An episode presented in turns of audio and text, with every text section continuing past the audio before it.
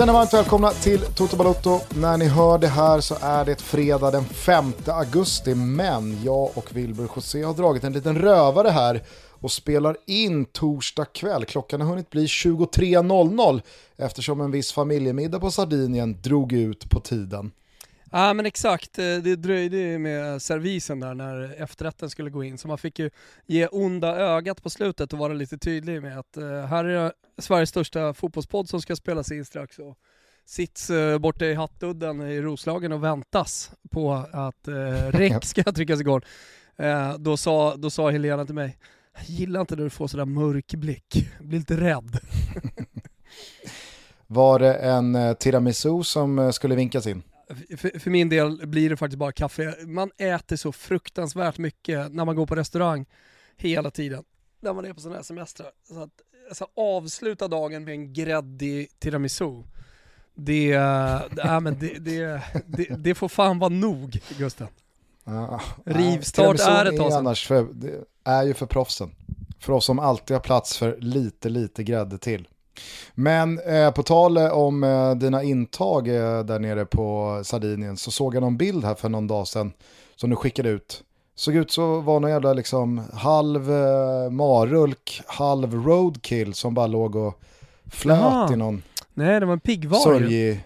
Det var en piggvar. Aha. Uh, som, som de hade tillagat. Uh, sen är det, jag vet inte, du har ätit mycket piggvar, många har ätit mycket piggvar för att uh, det har vi i de svenska jag, vattnen jag har inte också. Ätit, jag har inte ätit jättemycket piggvar alltså. Ah, okay. De har det annars stående på menyn på Sturehof och Rish. Minst två gånger i månaden ska det ätas piggvar. Men den, den är mycket mer smakrik den som kommer här nere från Medelhavet. Den är en fantastisk fisk. Kanske vi inte ska snöa ja. in på. Mm. Nej men det var väl, eh, det var bara någonting med liksom själva platingen som jag reagerade på när jag såg den här bilden. Det, det, var, det kändes inte som att man, som att talesättet att man äter också med ögat hade applicerats på. Jaha, äh, bilden blir väl vad den blir liksom. Eh, det, det är ju något annat live när den där kommer in och den eh, fileas av eh, servitören och allt. Vi satt nere i hamnen här i, i Villa Simius och hade det mysigt. Fint. Mm. Eh, du har inte sprungit in i Zlatan än? Nej, fan. Han lyser med sin frånvaro. Eh, det är lite tråkigt. Det hade varit kul att ah. återförenas annars. Ah, ja, eh, vi eh, släpper Sardinien så länge. Jag tänkte bara säga det att eh, medan jag då satt och väntade på er att ni skulle checka upp och få in efterrätten så kollade jag TV4-nyheterna och efterföljande sporten. Som man gör. Finns, något, finns det inget jävligt det finns något så jävla somrigt över 22-nyheterna med efterföljande sporten och vädret. Ja, och jag tror att så här, tecknet på att man börjar bli gammal, det är när man börjar uppskatta eh, när 22-nyheterna bryter in mitt i bäck. Alltså förr i tiden så har man ju alltid ondgjort sig över det. Hur kan detta få fortsätta? Att de liksom går in och tar en kvart mitt i en film. Men nu, nu uppskattar jag det mer och mer och tycker att det är ett ganska härligt, behagligt inslag och man kan eh, trilla iväg och göra en liten kvällsmacka och sådär. Men, eh, nej, men annars är det ju det linjära, att eh, sitta och vänta på att en film ska börja och kolla på sporten och nyheterna till exempel. Alltså det, finns det någon som kollar på nyheterna på play? Ja men nu ska jag kolla ikapp nyheterna. Känns som att det är sista ja, det man börjar kolla på on demand, nyheterna. Kanske. Orätt. Hur som helst då, eh, det har blivit en, en, en långdragen inledning här utan ja, speciellt verkligen. mycket fotbollsfokus. Men det här har inte heller någonting med fotboll att göra utan jag blev bara, liksom, jag blev bara drabbad av det sista då som dök upp i TV4-sporten. Nämligen att dom har fallit gentemot den amerikanska kvinnliga basketspelaren Britney Griner. Eh, vet du vem det här är? Absolut, jag har följt det där eh, eftersom det har varit ganska mycket på Twitter och men, det har ju ändå fått ganska mycket uppståndelse. Eh, det har väl skickats ja. ner eh, alla möjliga höga politiker till Ryssland, ner, bort, åt sidan, bort i alla fall till Ryssland. Och medlats och haft sig, hon, hon, hon hade typ en eh, cigarett, en Mariana-cigarett eller vad var det för någonting? Ja, nej men precis. Alltså, jag, jag kan väl bara dra det kort eh, från början för de som, precis som jag, helt har missat det här. För att jag har aldrig hört namnet, jag har aldrig liksom hört talas om den här situationen.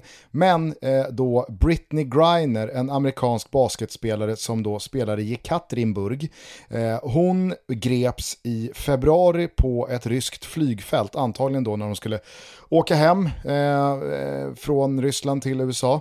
Och i hennes packning då, i hennes handbagage, så fanns det, som du är inne på, en e-cigarett med cannabisolja i.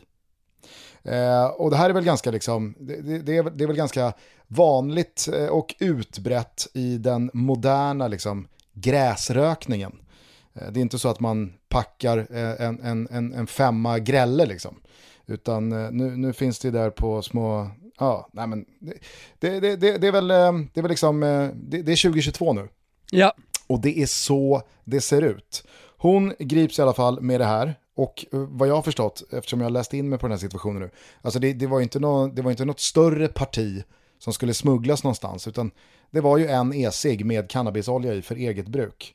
Hon grips, hon har suttit häktad fram till nu och idag föll domen nio år i ryskt fängelse. Och, och här pratar vi alltså om en 31-årig världsspelare har jag förstått. Alltså det är dubbla OS-guld och, och Women's NBA och alltså det, det är, jag vet inte, det, det, är väl någon slags, eh, jag vet inte om vi, om vi kan ta någon fotbolls... Eh, fotbollsparallell, men eh, det, det, är väl som att eh, de skulle plocka Ja, vem ska du ta här nu? Jag är så jävla nyfiken på att höra vem du ska välja Gustav. Mm. Susanna Kallur, kan inte det vara Susanna Kallur då? Att du plockar henne? Måste inte vara fotbollsreferens. Ah, stor kvinnlig det. idrottare. Ja, jo. jo jag, jag, men jag, jag, for efter en, jag for efter en fotbollsspelare. Ja men... Det kanske, ja. Det, du kan ju ta Aslani då. Bet då? Bet Me då, absolut. Kosovare Aslani. Ja, exakt. Ja. Klar för Milan för övrigt. Mm. Bet Mead också? Eller pratar vi Aslani? Nej, Aslani. Aslani. Ja. Jag tänkte väl. Mm. Eh, nej men är, är, det inte, är det inte otroligt? Nio år, vilken jävla mardröm. Det får ju osökt eh, tankarna till eh, alltså så tidigt 90-tal när man började läsa om eh, eh, utlänningar som hade åkt dit för typ liknande eh, småbrott i Thailand och skickat till eh, Bangkok mm. Hilton. Uh, och uh, det, det, jag kommer ihåg det när, när, man var där nere, för det hände ju att det röktes en, uh, en liten e-cigg, höll jag på att säga, inte e-cigg på den tiden, men, men uh, någonting med någon slags gräs i någon gång. Att det, det fanns ändå någon slags rädsla att man skulle hamna på Bangkok Hilton. Så jävla hårda straff, det är dödsstraff eller 48 år på Bangkok Hilton för, för att man eh, gått med lite gräs i fickan. Så som jag känner dig och om jag bara skriver på en ruskigt snabb analys så tänker jag ändå att det var 90-10, 90%, mardröm, 10% ändå lite lockande. Ja, ja, absolut. Då behöver man inte tänka så mycket. lite ansvar. Och man vet ju att Johnny Limmad, han hade inte hatat att få svara på frågan, vad hände med Thomas? Han sitter på Bangkok Hilton. Klart det är kreddigt. Som jag kan se Johnny liksom nästan skina upp när han får frågan. Mm. Han sitter på Bangkok Hilton. Livstid. Sen har man ju hört i efterhand att det var inte så jävla farligt på Bangkok Hilton ändå. Nähä.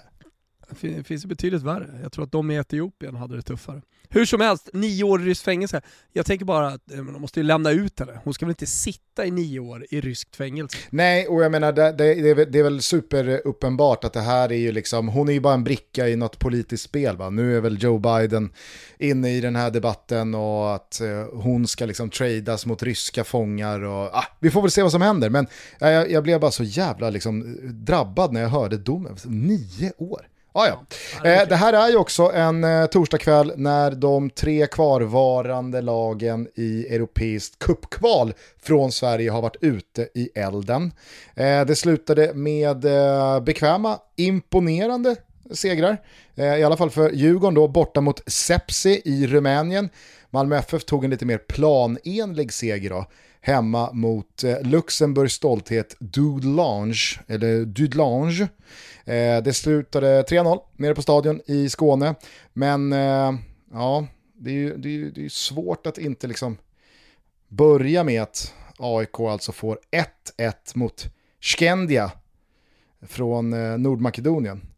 Jag läste någon ju... slags perspektiv-tweet här på Twitter efter matchen att Skendia, det var eh, Viktor Asp från eh, Fotboll eh, Stockholm-kollektivet som eh, twittrade ut.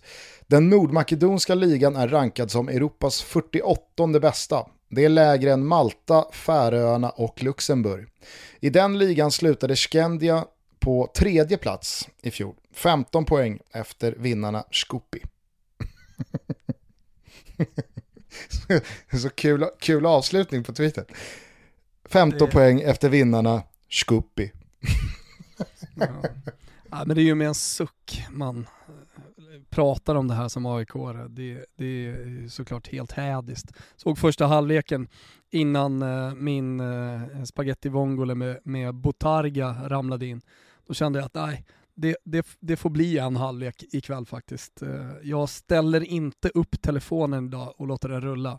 Det här får vara en kväll där, där, där det blir, ja men i alla fall, aha, delvis halvt fotbollsfritt. Och eh, vad det verkar, om man gillar fotbollsunderhållning så, så har ju, missade jag ingenting från den andra halvleken riktigt heller va? Nej, alltså, Jag känner i alla fall inte att jag eh, som skäms och sitta här och inte sett den andra halvleken och ändå kan dra växlar över vad som har hänt. Nej, absolut. Och, och, du missade ju ingenting eh, om du var ute efter klang och jubel och farliga målchanser. Eh, däremot, alltså så här, grejen här är väl att eh, AIK verkar de facto ha oerhört, oerhört svårt att komma någonstans. Visst, det grävs fram ett resultat här och det grävs fram några poäng men där. Jag är förvånad, har ju sett ut sådär sen Bartosz kom. Ja, men det, det, det, varit, det, det är väl inget nytt? Det jag menar, liksom. nej, men, alltså, så här, det, det är det jag menar att du inte missade någonting, för det är ju ändå anmärkningsvärt och i synnerhet när det går vecka efter vecka efter månad efter månad och det här laget med de här oerhört rutinerade, meriterade och erfarna spelarna som besitter sån klass. Och, alltså det är ju det är, det är ett lag som länge har varit liksom haren i klungan bakom Malmö FF. Som har förutsättningarna, tillsammans med en del andra klubbar, att verkligen eh, täta eh, liksom gapet eh, och, och, och, och klyftan som blivit i MFF. Men som, jag vet inte, jag, alltså bortsett John Guidetti som återigen, tycker jag, visar klass och, och, och, och visar att det, det, det, är ju, och, och, det är väl det, det var väl det man alltid liksom sa om Marcus Rosenberg, att det var ju kanske inte i, i, i lunkmatcherna hemma i allsvenskan som han stod ut, som han sken. Och nu försöker inte jag liksom dra några eh, ytterligare paralleller mellan Skendia från Nordmakedonien, som kom 15 poäng bakom Skuppi.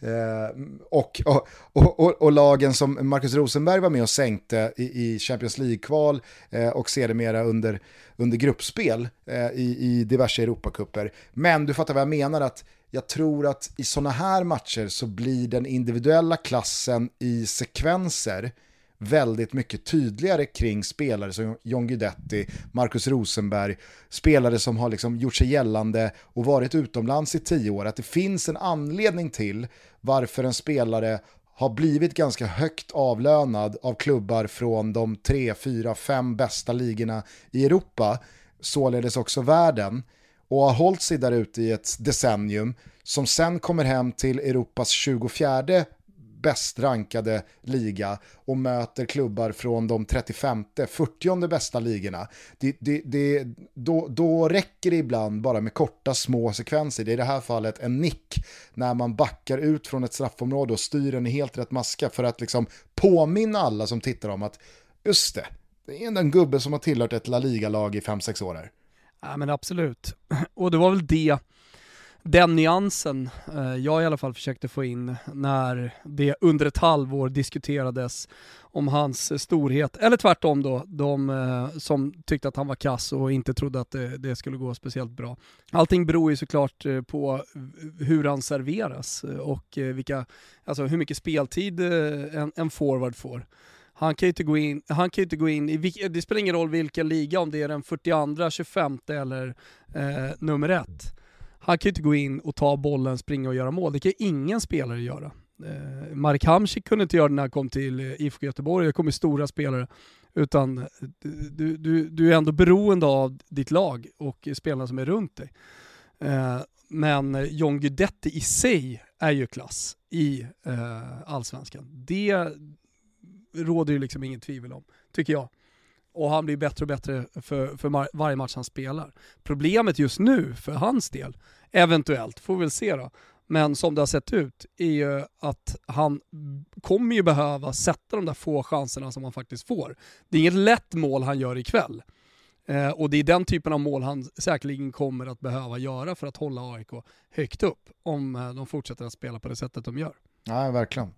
Eh, och åt andra hållet då så kan man väl säga att Joel Asora har gått. För att om John Guidetti har tvingats, eh, ja, men han har ju tvingats in i ett hörn med tanke på hur lite han har spelat senaste åren. Och han har såklart med sin output och sin attityd och sina uttalanden Eh, alltså, han, han, han, eh, han kravlar upp sig själv eh, på en, på en ganska hög nivå, då blir fallhöjden därefter och det är många som vill se honom misslyckas, i synnerhet när man går till en klubb som AIK. Men Eh, han, han, han verkar ju trivas eh, med de omständigheterna samtidigt. Joel Asoro däremot, det var ju liksom en, en ung, hypad anfallare som tidigt lämnade för England och som spåddes en lysande framtid i, i Sunderlands eh, system. Eh, kom fram där, fick sina chanser, det hände absolut ingenting. Eh, lika lite hände sen i Swansea.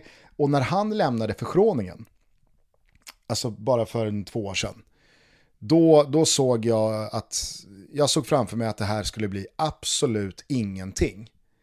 Eh, och när, när Bosse betalade de ändå ganska svettiga summorna som Djurgården ändå gjorde här för, för två år sedan när de hämtade honom inför i, i, i fjol, eh, så då var inte jag alls övertygad om att eh, alltså, en sån prislapp var motiverad. Eh, för att jag, jag tyckte inte att Joel Asora hade visat egentligen någonting. Och jag tycker att det, det, det fanns ju perioder och det fanns glimtar och det fanns ändå en, en potential och ett eh, råämne i det man såg i fjol. Och herregud, i fjol var han alltså 22, han är väl jämngammal med Kulusevski, de är väl bästa polare, 99 eh, Så att man, man, man ska såklart inte liksom döma ut någon spelare så, men jag är jävligt imponerad över vilka steg han har tagit The number one selling product of its kind with over 20 years of research and innovation. Botox Cosmetic, out toxin A, is a prescription medicine used to temporarily make moderate to severe frown lines, crow's feet, and forehead lines look better in adults. Effects of Botox Cosmetic may spread hours to weeks after injection, causing serious symptoms. Alert your doctor right away as difficulty swallowing, speaking, breathing, eye problems, or muscle weakness may be a sign of a life threatening condition. Patients with these conditions before injection are at highest risk. Don't receive Botox Cosmetic if you have a skin infection. Side effects may include allergic reactions, injection site pain, headache, eyebrow and eyelid drooping, and eyelid swelling. Allergic reactions can include rash, welts, asthma symptoms, and dizziness. Tell your doctor about medical history, muscle or nerve conditions including ALS or Lou Gehrig's disease, myasthenia gravis, or Lambert-Eaton syndrome and medications, including botulinum toxins, as these may increase the risk of serious side effects. For full safety information, visit BotoxCosmetic.com or call 877-351-0300. See for yourself at BotoxCosmetic.com. Och att han har gjort det i en sån ändå tuff miljö som Djurgården är. Det är en Stockholmsklubb, det är en klubb som nyligen blev svenska mästare, det är en klubb som hela tiden inte bara slåss då mot Malmö som drar loket, utan kanske framförallt hela tiden mäts mot AIK, mot Hammarby. Eh, det är tajt om de där Europaplatserna, det finns en jävla massa pengar i Djurgården, således så finns det ekonomiska muskler att eh, ge en spelare en chans på ett halvår, men tar man den inte, ja, men då, är det, då är det nog ganska lätt att, att, att, flytta på en sån spelare. Och det har man ju sett ganska många satsningar i just Djurgården hända med. Eh, så jag, jag, jag, är imponerad över och, och, mm, hur Joel Asoro har tagit steg för steg och eh, utvecklats och nu ser så jävla självklar ut i deras offensiv. Och det är väl bara ytterligare en eloge till Kim och Tolle, hur bra de är på att få ut det mesta av, eh, av, av spelare som man kanske har satt i ett fack och redan dömt ut. Mm. Nej men eh, eh, under hela din eh, lilla eh, rant här så var det precis det jag tänkte. Att, eh, det, det, är återigen det där med, med tränare eh, som lyckas hitta spelare eh, som har stor kvalitet och har en höjd egentligen som de kanske inte riktigt har nått i karriären än. Och så får de ut maxet liksom. Eh, från honom för just nu och sen så kan han säkert höja sig ytterligare också. Men eh, stor eloge till dem såklart och de fortsätter att vara, och må väldigt bra Djurgården. Ja, åttonde raka eh, den här sommaren för Diffen. 3-1 blev det eh, borta i Rumänien och det är väl mega favorit på att man löser avancemanget här. Eh, givetvis också även för Malmö FF som har 3-0 att gå på till returen i Luxemburg. Men jag vet inte hur du har känt och tänkt eh, kring eh, Malmös doja här av Milos de här dagarna som har gått sedan vi eh, släppte och eh, spelade in senast. Jag läste en lång intervju ja, men... med Andreas Georgsson. Jag, jag, ja. jag tycker, tycker att det, känns, det, är, det, är, det är någonting som är så jävla konstigt med den där ja. avskedningen. Ja, jag vet. Eh, jag, jag, läste samma intervju. Eh, du skickade in den där i en WhatsApp-grupp och eh, jag, jag håller med dig. Man får ett riktigt grepp om det. Varför sparkade ni honom? Och vad var det ni trodde på från första början? Och vad var den utlösande faktorn? Eller i och för sig, det är kanske är det enda man förstår, att resultaten inte var som man önskade. Men att man känner sån panik ändå i resultaten som har varit, de negativa resultaten, man måste sparka en tränare som man i intervjuerna nu fortfarande ändå trodde lite på där på slutet. Det var inte så att han, eh, han, han, var eh, icke omtyckt av spelarna. Det kändes som att eh, omklädningsrummet var intakt. Det har inte läckt ut någonting, som jag läst i alla fall, om att det fanns liksom grupperingar i, i eh, Malmö som inte var nöjda med Milos. Eh, och eh, som du sa, med Georgsson så får man ett ganska gott intryck av relationen mellan Milos och, och, och honom. Ja, men jag kan läsa lite här innan till från den här intervjun som vi båda pratar om som då publicerades på Fotbollskanalen för jag tror två dagar sedan. Eh, och då är det alltså sportchef Andreas Georgsson, nuvarande tillfällig tränare, som då får frågan vad kommer du sakna med Milos? En oerhörd kompetens. Jag lärde mig otroligt mycket av honom. Hur han förbereder träning och match, hur vi diskuterar olika scenarion i fotbollsvärlden och hans kunskaper om andra lag samt spelarmarknaden var nästan knäpp. Det kommer jag sakna. Låter som en keeper. Låter som en keeper. honom ska vi ha. Jag blev, jag blev lite kåt på honom. Fick du några indikationer på att förtroendet i spelartruppen började bli lägre för Milos? Nej. Det var ingen faktor bakom beslutet. Nej. Andreas Georgsson menar vidare att han känner sig besviken över att MFF redan har gått skilda vägar med Milojevic. Så,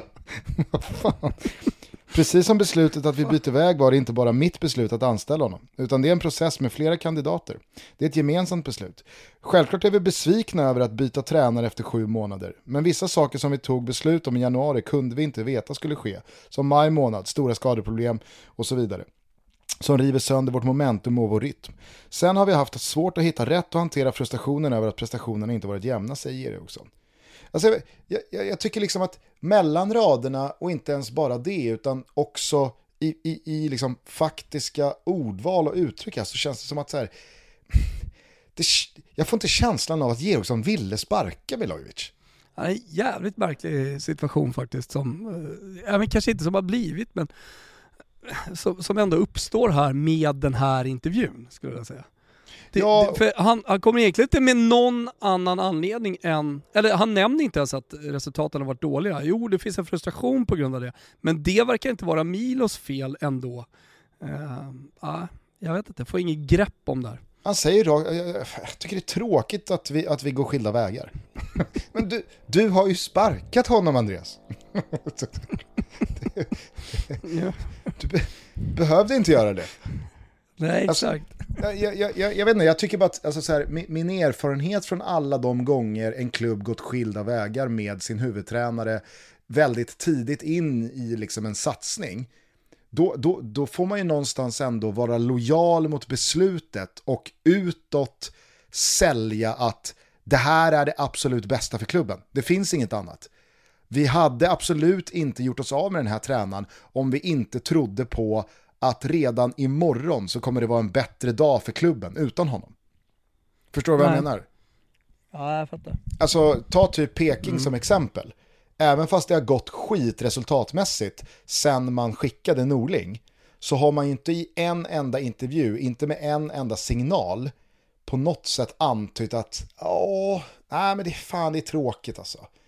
Det, det känns inget kul och, och, och du, att, att, vi, att vi och Rickard eh, har, har, har brutit upp här. Utan då har man liksom, det här är det bästa för klubben, vi har beslutat oss för att nej men det fick räcka nu, eh, hit men inte längre, nu ska vi gå vidare, det kommer vara den här processen. Alltså du vet, de har ändå trots att det har gått jävligt emot, så har de varit tydliga med att liksom, vi, var, vi var färdiga med Norling. Toto Balotto är sponsrade av Circle K, ledande på förnybara drivmedel och med en tydlig ambition att göra stora skillnader längs vägen mot ett fossilfritt Sverige. Redan idag är till exempel var fjärde liter som tankas hos Circle K helt förnybar och deras laddplatsnät i Sverige, ja det byggs ut ultrasnabbt. Allt för att matcha takten som elbilar ökar i, men givetvis också för att fler och fler ska vilja gå över till elbil och uppleva smidigheten. Deras målsättning är att ha flest ultrasnabba laddplatser i hela landet och det är såklart en ambitionsnivå som vi på Toto uppskattar. Ska man sikta någonstans, ja då ska man lika gärna sikta högst upp mot tronen. Vi säger stort tack till Circle K för att ni är med och möjliggör Toto Balotto. Vi säger även tack till er för att ni hjälper alla oss att göra mer hållbara val utan att tappa farten på väg mot framtiden. På tal om Norling, har du eh, hängt med i hans eh, nya satsning? Eh, hans mastodont-sittningar eh, med någon eh, tränar... Eh, Snubben från Strängnäs. ja, men det, det är väl... Division 4-tränare från typ Ja men han har, väl, han har väl honom lite som en prodigy typ. Ja okej. Okay. Jag, tror han, jag tror han eh, tränar det, något division 3-lag där. Mm. Det är så roligt för att han har alltid varit lite liksom märklig, eller vad man ska säga. Han har varit lite egen i intervjuer ju och alltid när han har gjort media, Norling. Men jag trodde aldrig att jag skulle se honom i en riktigt svagt producerad YouTube-show tillsammans med en eh, division 4-tränare. Sitta och analysera shape och ja, men, fulla matchanalyser. Det, det finns någonting alltså, i det där, i den dåliga produktionen, men i det genuina, så finns det någonting. Jag tänker tillbaka på Calcio Corso som jag och Christian Borell gjorde, stod på Sveavägen och stod på Cafeteria del Corso också. Åkte taxi ibland för att hylla eh, den, den, den eh, stora Palermo-bossen, eh, Tramparini. Sådana saker gjorde vi. Det är lite det Rickard Norling pysslar med just nu. Och eh, jag började med att skratta lite åt det där. Och sen så tänkte jag, äh, jag måste kolla vidare lite, vad är detta? Och nu är det liksom, det, det, det, det är det du får inte eh, fotbollsmedia som jag konsumerar, nej det är det jag konsumerar mest av allt.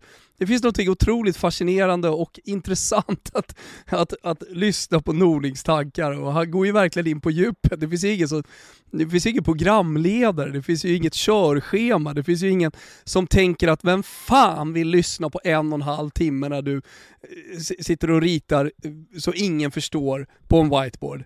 Det finns något så jävla fint i det eh, som, eh, som, som jag uppskattar väldigt mycket. Ja, det, det, det, det finns en oerhört magstark hybris i den där publiceringen. Som man ändå måste älska. Jo, jag vet, men jag tror inte ens att det är någon hybris. Jag tror det är bara så här, men vad fan, ska inte du och jag bara snacka, sätt på en kamera, ska vi bara sätta oss och snacka? Jag tror inte de förväntar sig att eh, det, det ska komma in några pengar eller någonting sånt där. Uh, här har vi till exempel en, en förhandsvisning då Eh, på, eh, Henok Goitom är med också, sitter i en jävla konferenslokal här eh, med naturträ både på bordet och på väggarna. Har ändå fått 9629 visningar. Eh, där sitter de i en timme och 53 minuter i den här förhandsvisningen och, och, och pratar. Norling och Pense reflekterar, heter det, det här programmet. Ja, Sju det. avsnitt tror jag ligger ute just det är nu. Också, det är också så jävla fin arbetstitel som har klarat sig hela vägen. Norling och Pense reflekterar. Ja. Men kan inte du, eh, ska inte du gå in med en liten sponspeng då? Ska jag kliva in där? Ja, alltså Norling och Pense ska, eh, ska mitt namn rulla förbi där då? Sponsras av Thomas Våra... Wilbacher. det var som när jag sponsrade AIK-damerna och frågade vad vill du ha på arenaskylten? jag har ingen aning. Skriv mitt namn. Vilket jag såklart inte gjorde. Gav, gav ju sen bort den till dem. Unicef eller vad det var. Men ändå. Stod bara Thomas Wilbacher där. Ja, underbart. Ja, men det, när du började prata om Norling och den situationen som var, så, så eftersom jag eh, nu har snöat in så mycket på Norling och Pense reflekterar, så var jag bara tvungen att, att ta upp det. Ja, jag, jag, jag förstår det. Eh, jag har inte fastnat lika hårt som du i det här, men det har flimrat förbi. Jag har tittat några minuter, jag har konstaterat att det är en oerhört omodern eh, variant av liksom slow tv, men som ändå eh, har någonting. Eh, jag, jag, jag är med dig. Men allting, med allting med röster och, och huvuden, intelligenta skallar, eh, har ju någonting. Alltså det spelar ingen roll hur snygg produktionen än är. Om det, om det som sägs är iskallt, då, då går det ju inte att kolla på ändå. Alltså du kan, du, du kan ju inte sminka över en gris, eh, det går ju inte i tv-sammanhang heller.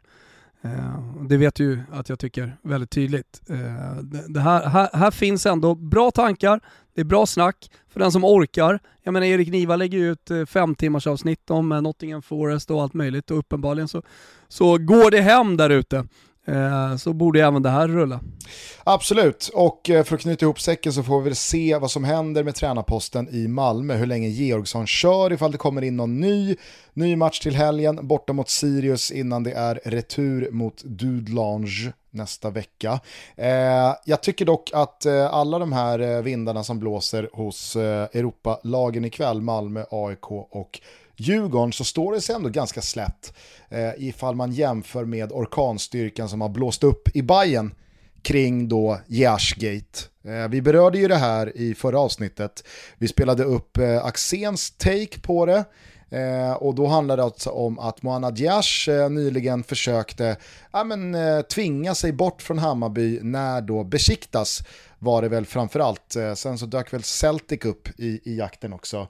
Eh, visade intresse, konkret sådant, eh, la ett bud, Bayern accepterade inte budet, men Jers ville eh, verkligen, verkligen få till den här transfern.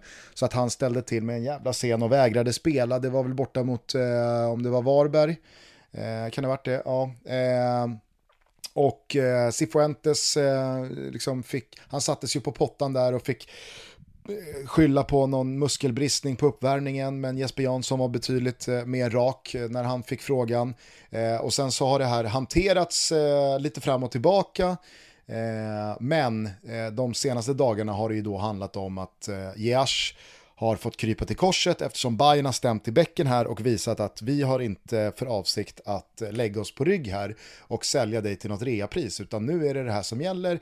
Du får gilla läget. Besiktas har ju såklart gått vidare med livet. Eh, det finns fler Moana Diash lirare där ute. Eh, så att ska det knusslas, ja men då hittar man väl någon annan och så skiter man väl i honom.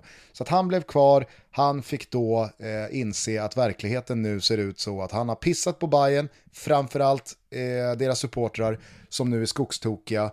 Och nu så finns det inget eh, utlandsalternativ utan nu måste man ju försöka göra rätt för sig här igen i Hammarby. Och det har ju varit en, skulle jag vilja påstå, sällan skådat sorglig eh, liten tango han har bjudit upp till här eh, via då några ursäkter. Eh, dels då eh, först via Bayerns kanaler och sen här nu idag på sin eh, Instagram.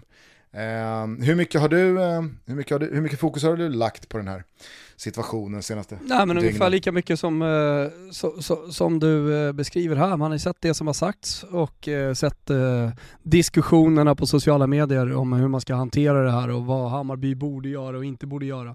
Det är alltid svårt i ett sånt här läge för att det, dels finns det ett värde och sen så finns det en människa och sen så finns det ett svek i det här och eh, hur mycket kan man reparera? Eh, jag brukar alltid prata om att eh, det räcker med två, tre baljer så, så är man tillbaka sen. Och i hans fall då kanske tre, fyra prestationer. Jag vet inte om det är så med, med honom och om Hammarby ens känner för att ge honom den chansen igen. Men eh, jag, tror att, jag tror att man måste se upp eh, som, som fotbollsspelare. Så det, det, är lätt att få lite hybris när de här bu buden kommer. Och eh, precis som Axén sa liksom, så har han ju varit i, i den här typen av situationer tidigare. Det gäller att röra sig med rätt folk, eh, rätt rådgivare kring sig också i den moderna fotbollen. För att eh, det, det, finns rejäla eh, falluckor att eh, trilla ner i och eh, de kan vara jävligt svåra att komma upp ur. Men eh, jag menar i grunden så finns det ju otroligt mycket kvalitet och det är en fantastisk fotbollsspelare. Eh, så jag tror nog ändå att i slutändan eh, Hammarby gör rätt i att hitta tillbaka honom. Eh, och eh, jag tycker ändå, även om det finns ett bagage som Axén pratade om och att det här har hänt tidigare, så tycker jag ändå att man måste kunna acceptera ursäkter också. Eh, sen, inte, sen ska inte jag bestämma, eh, jag, nu är inte jag Hammarby-supporter, jag vet inte hur jag hade reagerat om det här var Fiorentina eller om det var AIK. Men, eh, men oftast så tycker jag att man ska lyssna i alla fall på ursäkter. Ja, det, och sen det, så får, det, får tiden läkare. Absolut, sen så, sen så tycker jag att det är skillnad på eh, när en spelare då gör bort sig och så ber man om ursäkt. Alltså jag tycker att det är en skillnad på hur då klubben som arbetsgivare gentemot den här spelaren ska, kan och bör agera och hur supportrarna väljer att agera. För det, det, det, är två helt olika relationer. Alltså pratar vi då Verkligen. Det, det, det sportsliga, det arbetsgivar-arbetstagarmässiga. Där är väl alla inblandade så pass professionella, nu, nu är väl det liksom kanske fel adjektiv att använda kring Jash här, men alla är så pass resultatdrivna att Bayern får ut mest av Jash ifall han presterar bra fotboll på planen. Jash han mår nog bäst av karriärsmässigt att prestera bra fotboll på planen snarare än att sitta på en bänk. Så jag menar, där, där, där gynnas ju båda parter av att det spelas bra fotboll på planen. Men i relationen till supportrarna, där handlar det om någonting annat. Där handlar det om att här har jag pissat på klubben, jag har pissat på tröjan, jag har pissat på allt. A lot can happen in the next three years. Like a chatbot maybe your new best friend. But what won't change? Needing health insurance. United Healthcare Tri Term Medical Plans are available for these changing times. Underwritten by Golden Rule Insurance Company, they offer budget friendly, flexible coverage for people who are in between jobs or missed open enrollment. The plans last nearly three years in some states, with access to a nationwide network of doctors and hospitals. So, for whatever tomorrow brings, United Healthcare Tri Term Medical Plans may be for you. Learn more at uh1.com.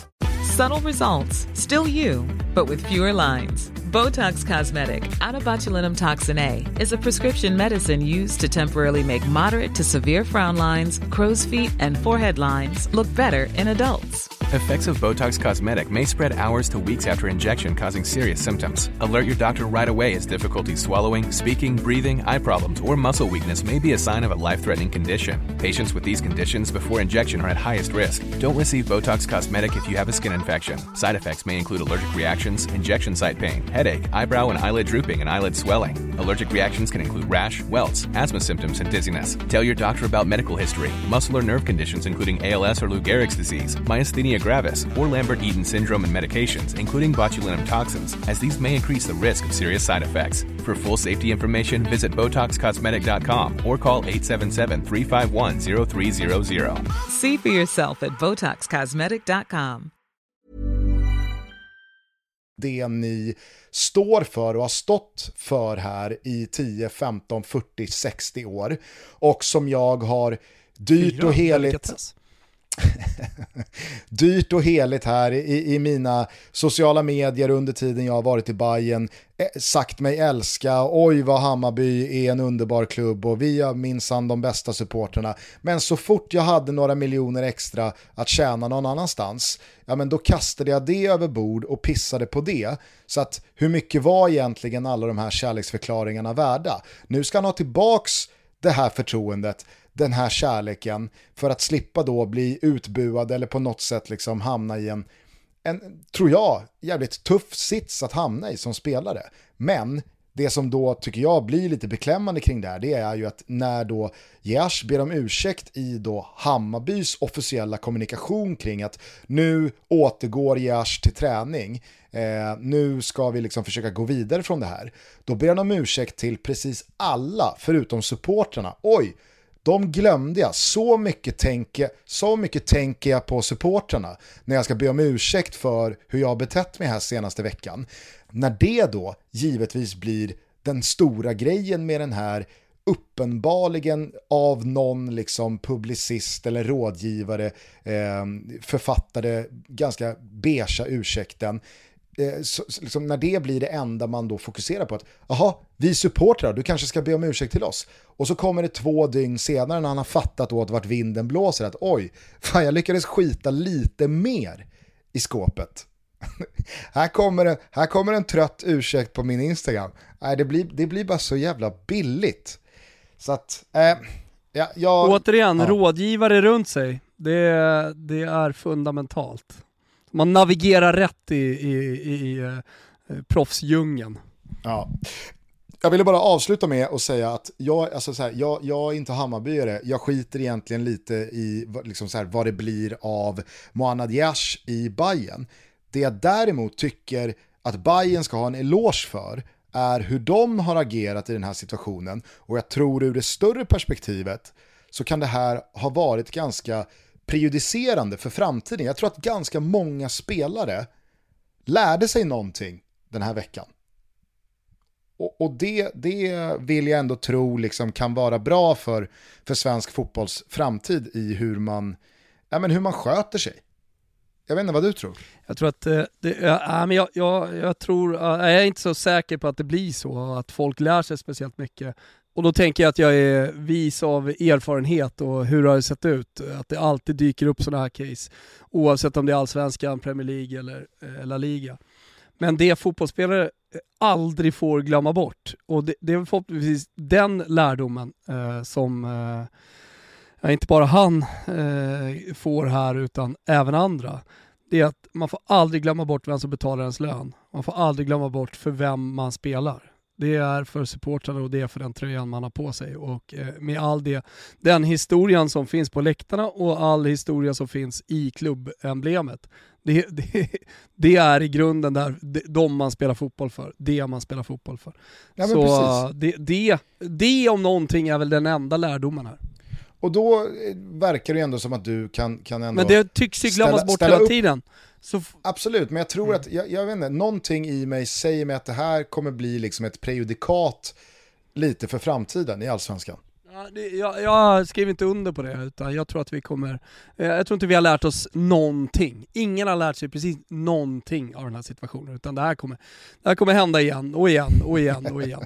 Så fort pengarna kommer upp på bordet där och det är någon utlandsflytt eller det är, något, det är något eh, miljonkontrakt som ligger där, då glömmer man bort supporterna. Då glömmer man bort eh, historien som finns eh, djupt in i, i klubbemblemet. Always a cynic. Då är det ju ändå ganska spännande att fråga dig hur du tror det kommer sluta i då Mark Cucurella-gate, eller Mark Cucurella-gate. Eh, det är en liknande mm. situation pågående i Brighton. Eh, jag tror på Fabrizio Romano, det är vad jag gör. Om Fabrizio Romano skriver “Here we go”, då är det klart. ja. ja det anledningen för de som inte har hängt med, ja. det är att Fabrizio Romano har kört en “Here we go” och eh, han är klar för Chelsea. Eh, men då har Brighton eh, själva gått ut i sina officiella kanaler och sagt att eh, ja, men det florerar en del fake news där ute. Och det är en direkt eh, såklart passning till Fabrizio Romano som eh, har mer eller mindre gjort den här övergången officiell när han kör sitt “Here we go”. Eh, men han står ju på sig fortsatt, eh, den gode Fabrizio Romano såg jag, för han får en del skit då. Eh, men han, kör, han svarar ju bara till alla, låt oss vänta och se. Ja. Så får vi se vem som får rätt i slutändan. Och när han är så jävla cocky som han är, då kan jag inte annat än att tro att den här affären till slut eh, blir av.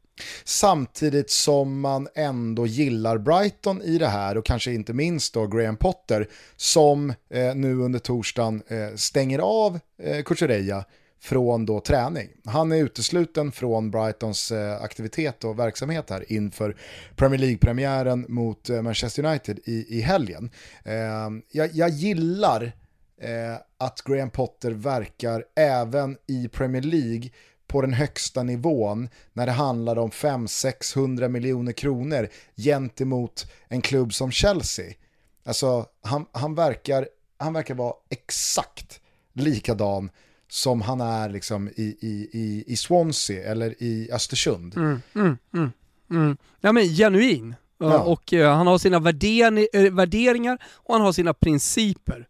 Och det tror jag att man vinner på i slutändan. Verkligen. Man gör liksom inte någon skillnad på vilken klubb det är. Eh, eller vilken spelare det är för den delen heller. Nej. Utan det finns, eh, det, det, finns grundvärderingar här som är, som är viktigare än någonting annat. Och det finns principer som man måste eh, hålla fast. Jag vill skicka en minischnitzel faktiskt till Pepsi Max eh, som eh, för första gången någonsin hade Pepsi Max-show i damernas EM. Man kunde se den i början av finalen och det var bara kvinnliga artister. Det tycker jag var väldigt snyggt. Eh, den här finns eh, i våra sociala medier, eh, det är bara att kolla på den. Glöm nu heller inte bort att sommaren fortfarande är ganska lång och att den absolut godaste drycken så här på sommaren är en iskall Pepsi Max. Och glöm för allt i världen inte bort isen, citronen. Då blir det extra god. Hörni, stort tack Pepsi Max. Inte bara för att ni gör så fina shower, utan också för att ni är med och eh, möjliggör Toto Balotto. Och på tal om Premier League så drar det ju igång ikväll då, fredag, när ni hör det här. Det är Crystal Palace mot Arsenal som sparkar igång säsongen. Sen rullar den här premiäromgången hela vägen fram till söndag kväll då en viss eh, Erling Haaland springer ut eh, för Manchester City borta mot West Ham i London. Bindlad? Eh, nej, inte än så länge. Men jag har några timmar på mig att eh, våndas i det där valet. Men han är i laget i alla fall, så mycket kan jag avslöja. Eh, det jag skulle komma till var att eh, för er som mot all förmodan missat det, så kommer vi alltså köra vår årliga klassiska inför Premier League-episod med oraklet Jesper Hoffman, men vi kommer göra det på onsdag. Eh, så att vi kommer ha den här första premiäromgången i eh, ryggsäcken att eh, utgå från. Vilket eh, det känns bara lite härligt och, och, och fräscht att, eh, att kunna ha lite intryck från första omgången innan vi då liksom ger oss i kast med stora säsongen. Absolut, och jag menar vi, vi ska ju kolla på Premier League hela, hela vägen fram till i slutet av maj. Mm. Eh, så en omgång hit, en omgång dit, vad spelar det för roll? Eh, jag ser jävligt mycket fram emot att komma hem och, och, sätta mig ner där på onsdagen och inte bara göra då Premier League-genomgången utan även Serie A tillsammans med Svanen och eh, La Liga tillsammans med Pinitoro. Fan frågan om jag inte ser mest fram emot La Liga-sittningen med Pinitoro. Så jävla härlig Pinitoro. Alltså. Han bara växer för varje dag som går. Ja. ja. det blir fint. De två avsnitten, alltså inför La Liga och inför Serie A, de kommer vi släppa på torsdag, så det blir fyra avsnitt nästa vecka. Eh, eftersom vi givetvis kör ett klassiskt måndagstoto på måndag. Då svepet är tillbaka, jag ska svepa. Det ska bli jävligt Uff, fint att få fint. Kna knacka några rader igen. Eh, men mm. med det sagt då, eh, så undrar jag vad du ser mest fram emot i helgen här nu när det är Premier League-helg. Vad, liksom, vad, vad, vad kittlar dig? Det, det som faktiskt kittlar mest av allt, det är att jag är tillbaka i Fantasy Premier League och återigen har skapat ett lag och eh, återigen ger mig in i League Fan-TV, liksom, eh, ligan och ska försöka Ge mig, ge mig på ni stora drakar som har spelat Fantasy Premier League så länge. Ja, men det, det, det, det pirrar lite extra faktiskt eh, inför den här vändan Premier League, för jag tycker att det är väldigt mycket som är ovisst. Jag tycker att det är många lag som uh, har gjort väldigt bra somrar. Uh, jag tycker Chelsea ser bra ut, jag tycker uh, Liverpool, såklart Liverpool City där uppe, men Ten Hag kanske. Om jag, ska, om jag ska välja någonting så är det kanske hur kommer Manchester United se ut? vi, vi har också sett ett Arsenal som har blivit bättre och bättre. Eh, hur kan Arteta ta det här till nästa nivå? Kan han ta det här till nästa nivå? Kan han vara med och till och med utmana eh, om Premier League-titeln? Eh, jag tycker, ja, men det är så många lag där uppe nu som det finns, i alla fall så på förhand, anledning att se positivt på. Jag predikade ju under hela fjolårssäsongen vet du, när vi pratade Ajax och Champions League och deras väg framåt Eh, för uh, Ten Hag och jag älskar, jag älskar honom som tränare. Jag tycker att han är helt fantastisk. Jag älskar att se hans lag spela fotboll. Eh, och att han nu har hamnat i kris Manchester United som har sett ut som skit under så jävla lång tid. Det, det, tycker jag, det är nog det som, som faktiskt äggar mig mest inför, inte bara den här första omgången, men låt säga den första månaden. Kan han få ordning på det här Manchester, Manchester United? Ja, jag håller med, jag tycker att eh, liksom det, det, jag, det jag spontant är mest intresserad av i den här premiäromgången så är det ju eh, hur det kommer se ut på Old Trafford när United ska ut. Detta liksom svajiga, extremt ifrågasatta, redan hårt pressade och starkt kritiserade laget som ändå ska börja på liksom ny kula, men det finns, det, det, finns, det finns ju inget tålamod. Alltså, säg att Potter åker dit och vinner med 2-0. då, då, då, är, då, då är det klippt. Körning. då, är det, då är det körning på dirren.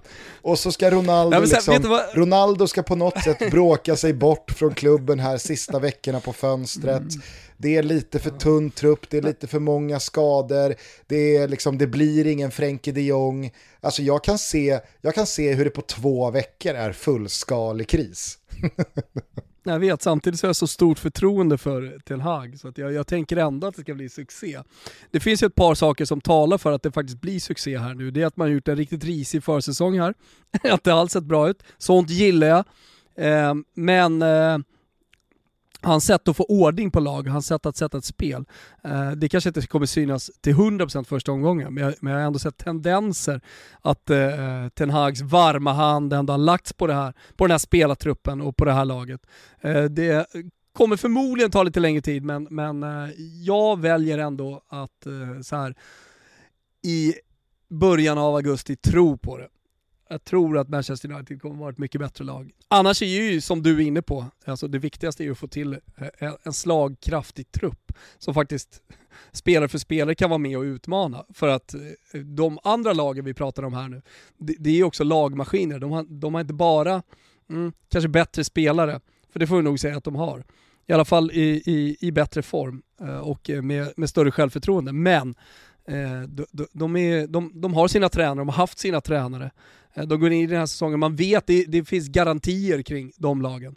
Medan med Manchester United så finns det inga garantier överhuvudtaget. Och, eh, det, det, det, och det, det gäller att få till ganska fort. Att, att man, man, man, ser, man ser tydliga linjer i det här spelet och man, man ser vart Manchester United är på väg någonstans. Eh, man, man, ser ett spel som är Ten, ha, Ten Hags. Och eh, även om de skulle förlora den här matchen Eh, Eh, så, så, så, måste man redan nu i alla fall börja känna att ah, men här, här har det gjorts ett jobb och får han bara tid på sig som sagt, då, då kan det ändå bli bra. Men eh, känner du som jag att det är mardrömsmotstånd, Brighton? Ja, lite så faktiskt. För Brighton är, ju, alltså Brighton är ju en klubb som, hur man än vrider och vänder på det och hur mycket man än kan imponeras av Graham Potters prägel som han har satt på det här laget och herregud, de kom nia i fjol och de har spelare som Chelsea uppenbarligen vill köpa för 600 miljoner kronor. Eh, alltså, jag menar bara att Brighton kommer alltid vara en klubb och ett lag som Manchester United bara, bara, bara ska slå på Old Trafford. Och det är det som blir, alltså hade United premiärat mot låt säga Arsenal eller Tottenham eller Chelsea, jag menar då, då finns det ju en, det finns en, en förlåtande rimlighet i ett eventuellt poängtapp i en förlust bara av att det är den klubben. Men nu när det är Brighton, då, då, då, då kommer det liksom, det finns ja, På tal inget... om lagmaskiner, på tal om att det har varit en tränare under en lång tid. Exakt, det är det jag eh, menar. Eh, Brighton de, känner, de känner varandra utan och innan, de ja. vet exakt vad de ska göra. Jag tror att hade jag varit Erik Ten Hag så hade Brighton varit, bortsett då Manchester City och Liverpool såklart, Alltså, absolut. Men kan top, man inte vända top, lite? Top, kan man inte vända på det här? Lag, topp tre sista lag man vill möta en premiär. Ja, men kan man inte vända lite på det här? Är, är inte eh, Ten Hags Manchester United precis det laget man inte vill möta för att man inte kan dem. Du vet hur Klopp spelar fotboll. De har mött varandra. Visst, han kanske gör lite små förändringar. Men, men, eh, det finns ändå en historia att gå tillbaka till och göra videoanalyser på. Jag menar, du kan inte gå till Ajax och kolla på Ten, Hag, Ten Hags lag. Fan, Ten Hag, Ten Hag, du får, du får, nog, du får nog Helvete bestämma vad jag kämpar. du, ja, du jag får nog bestämma, bestämma om det ska vara Ten Hag eller Ten Hag ja. från och med nu. Ja, ja, Ja, nej, Ten Hag. Eh, och, och, och göra sina videoanalyser och, och så.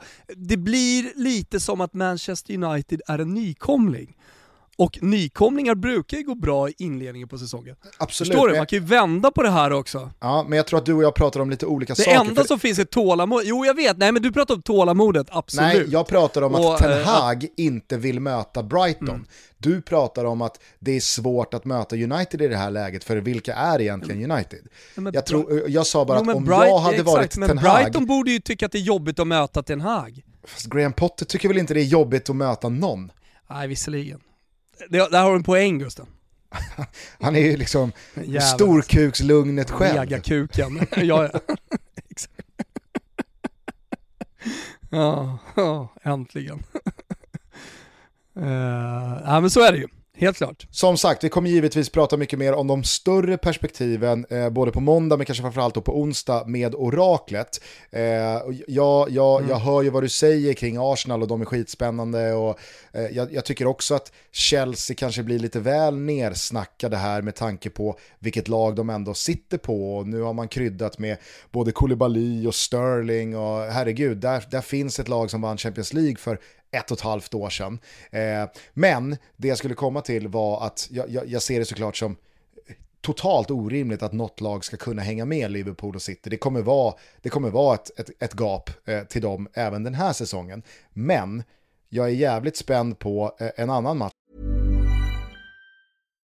Botox Cosmetic, out toxin A, FDA approved for over 20 years. So, talk to your specialist to see if Botox Cosmetic is right for you. For full prescribing information, including boxed warning, visit BotoxCosmetic.com or call 877-351-0300. Remember to ask for Botox Cosmetic by name. To see for yourself and learn more, visit BotoxCosmetic.com. That's BotoxCosmetic.com. den här helgen eh, och det är ju eh, Tottenham mot Southampton för att se med vilken fart Conte Spurs eh, kommer ur startblocken med. Och kanske framförallt då lite extra fokus på tridenten där uppe med Son, Kane och inte minst då eh, vår egen landslagsstjärna Dejan Kulusevski. Ja, det, det, blir det, det, det är jag spänd på. Ja men det blir det. Blir det Kulusevski? Ja det blir det. Mm. Rickard är avstängd så att uh, det, det, det, finns ah, verkligen, okay. ah, det, det, finns inget annat där. Ja, nej men eh, det, det känns bra. Det känns ju som att jag har gjort eh, megajobbet här eh, med mitt Fantasy Premier League-lag i och med att jag har Kulusevski i laget och jag visste inte ens att Rikardisson var avstängd. Jag sitter och liksom sover bort första omgången och, och hela mitt lag. Det blir free hit, nej inte free hit, vad är det det heter? Chippet man tar här. Wildcard. Ta wildcard efter omgång ett kanske. Men nej, det är också en jättefin match. Och sen överlag, att Premier League börjar. Eh, det, det, har ju varit en eh, hyfsat såsig sommar, även om det har varit ett fantastiskt mästerskap på, i, i England. Eh, så känns det som att det har varit en jävligt lång sommar utan fotboll. Och, och jag kan tröttna lite på allt transfersnack. Det, det är väl också ett ålderstecken tänker jag. Ja herregud. Men jag, jag, jag, jag somnar bort lite från det. Och Vet framförallt du... det här ja, men som vi pratade om med Here We Go eller Here We Inte Go och, och eh, den spelaren ska dit och den spelaren ska dit. Det, det, det är sån jävla cirkus kring, kring det där nu. Uh, det, det, har nått sådana nya nivåer och jag såg nu att Torreira var klar för Galatasaray till exempel och Fiorentina lyckades inte lösa honom från Arsenal och då pratade man om transfersumman på 10-15 miljoner om jag inte minns fel och nu gick han för 6 miljoner. Hur fan kunde det bli så? Alltså jag förstår ingenting längre. Och det är förmodligen för att jag inte förstår någonting för att man inte har den insynen och så får man läsa om det senare. Men att leva i transfermarknaden minut för minut under sommaren, det, det orkar jag inte riktigt längre. Ja, men vad, vad, he, vad, hette, vad, vad heter eh, division 3-tränaren som Norling surrar med? Hemse? Pense. Pense. Ja, just det. Nej, ja. men alltså, he helt ärligt, om någon idag, jag, jag, alltså, det, det är ju där man har hamnat. Om jag idag fick välja mellan att bincha hela säsongen av Norling och Pense spekulerar. är vi uppe i sju avsnitt? Ah, ja, ja. 1.45. Ja. Alltså då, då pratar vi, det är, liksom, det, det är en, en 13-14 timmar Norling, Pense spekulerar. Om jag fick välja mellan att bincha hela den säsongen kontra att kolla på en av de stora kvällstidningarnas 18 timmars deadline day-sändning, då blir det ju Norling och Pense spekulerar. Ja, framförallt vad de eh, deadline day-sändningarna har blivit. Inte för att slå mig själv på bröstet, men eh, jag åkte ändå ner till Milano och pratade med agenterna och sportcheferna och eh, till och med spelarna. Det fanns ju ett underhållningsvärde i det har jag förstått.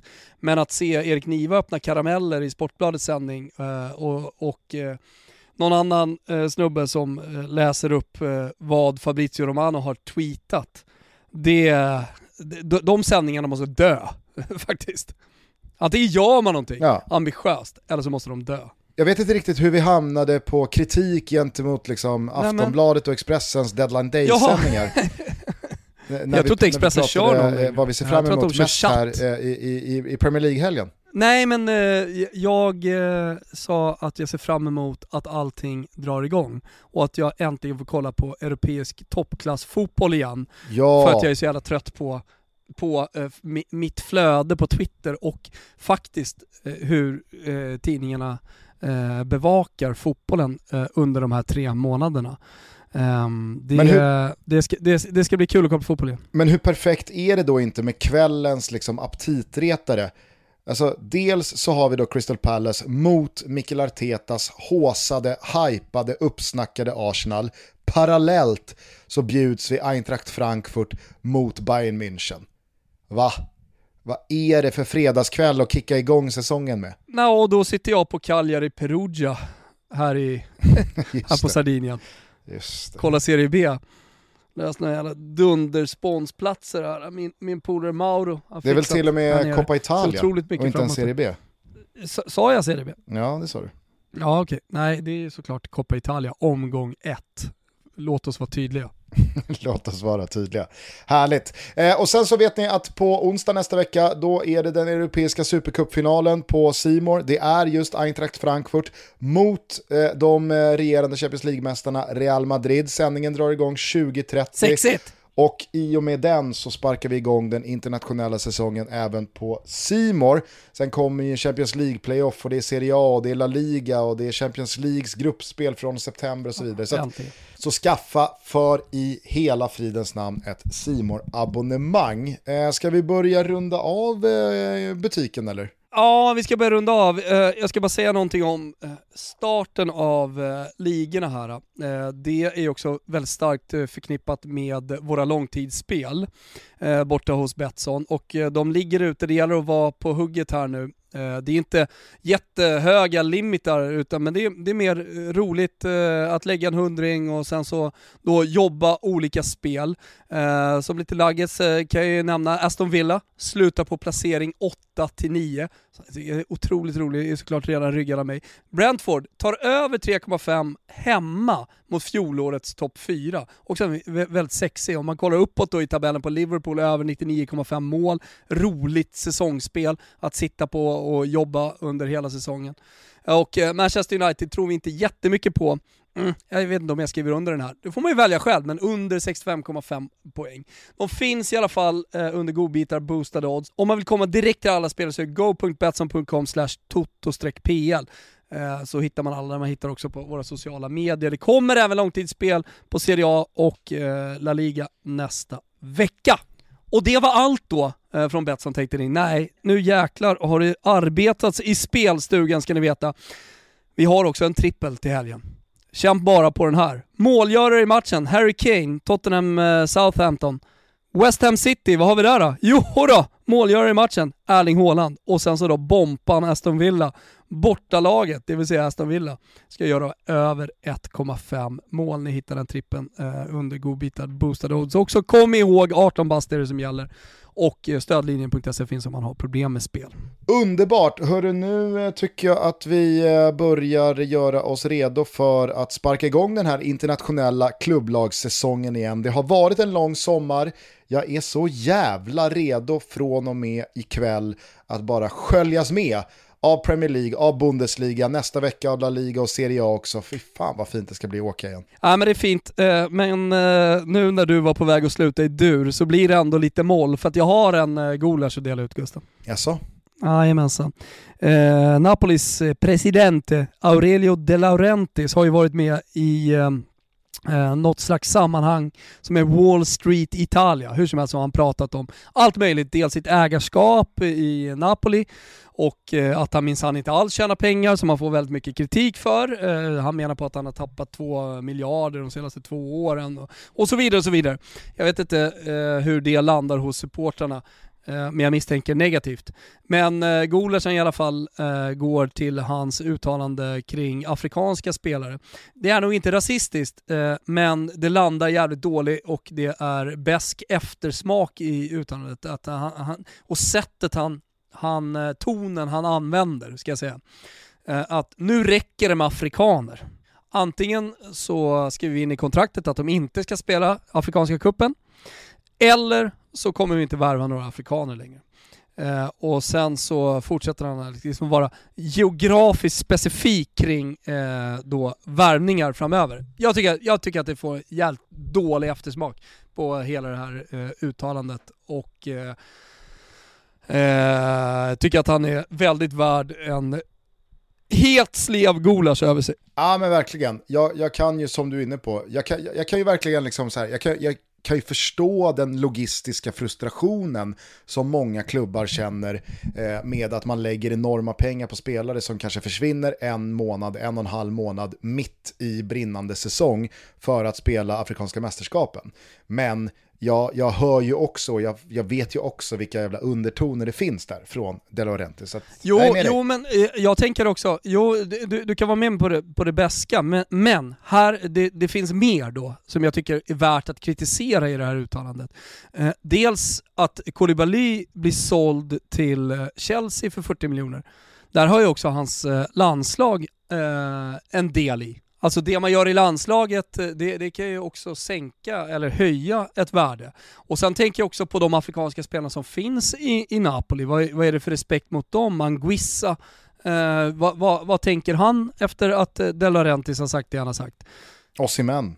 Ja men precis. Eh, hur, vad tänker de afrikanska spelarna som finns i, i, i, i Napoli eh, nu? För vi kan inte glömma bort att Senegal faktiskt vann Afrikanska kuppen och det höjer ett värde på en spelare. Du kör ändå Afrikanska kuppen. Ja men det är för att jag läser direkt eh, från uh, Gazzetta dello Sport där de kör Coppa d'Africa.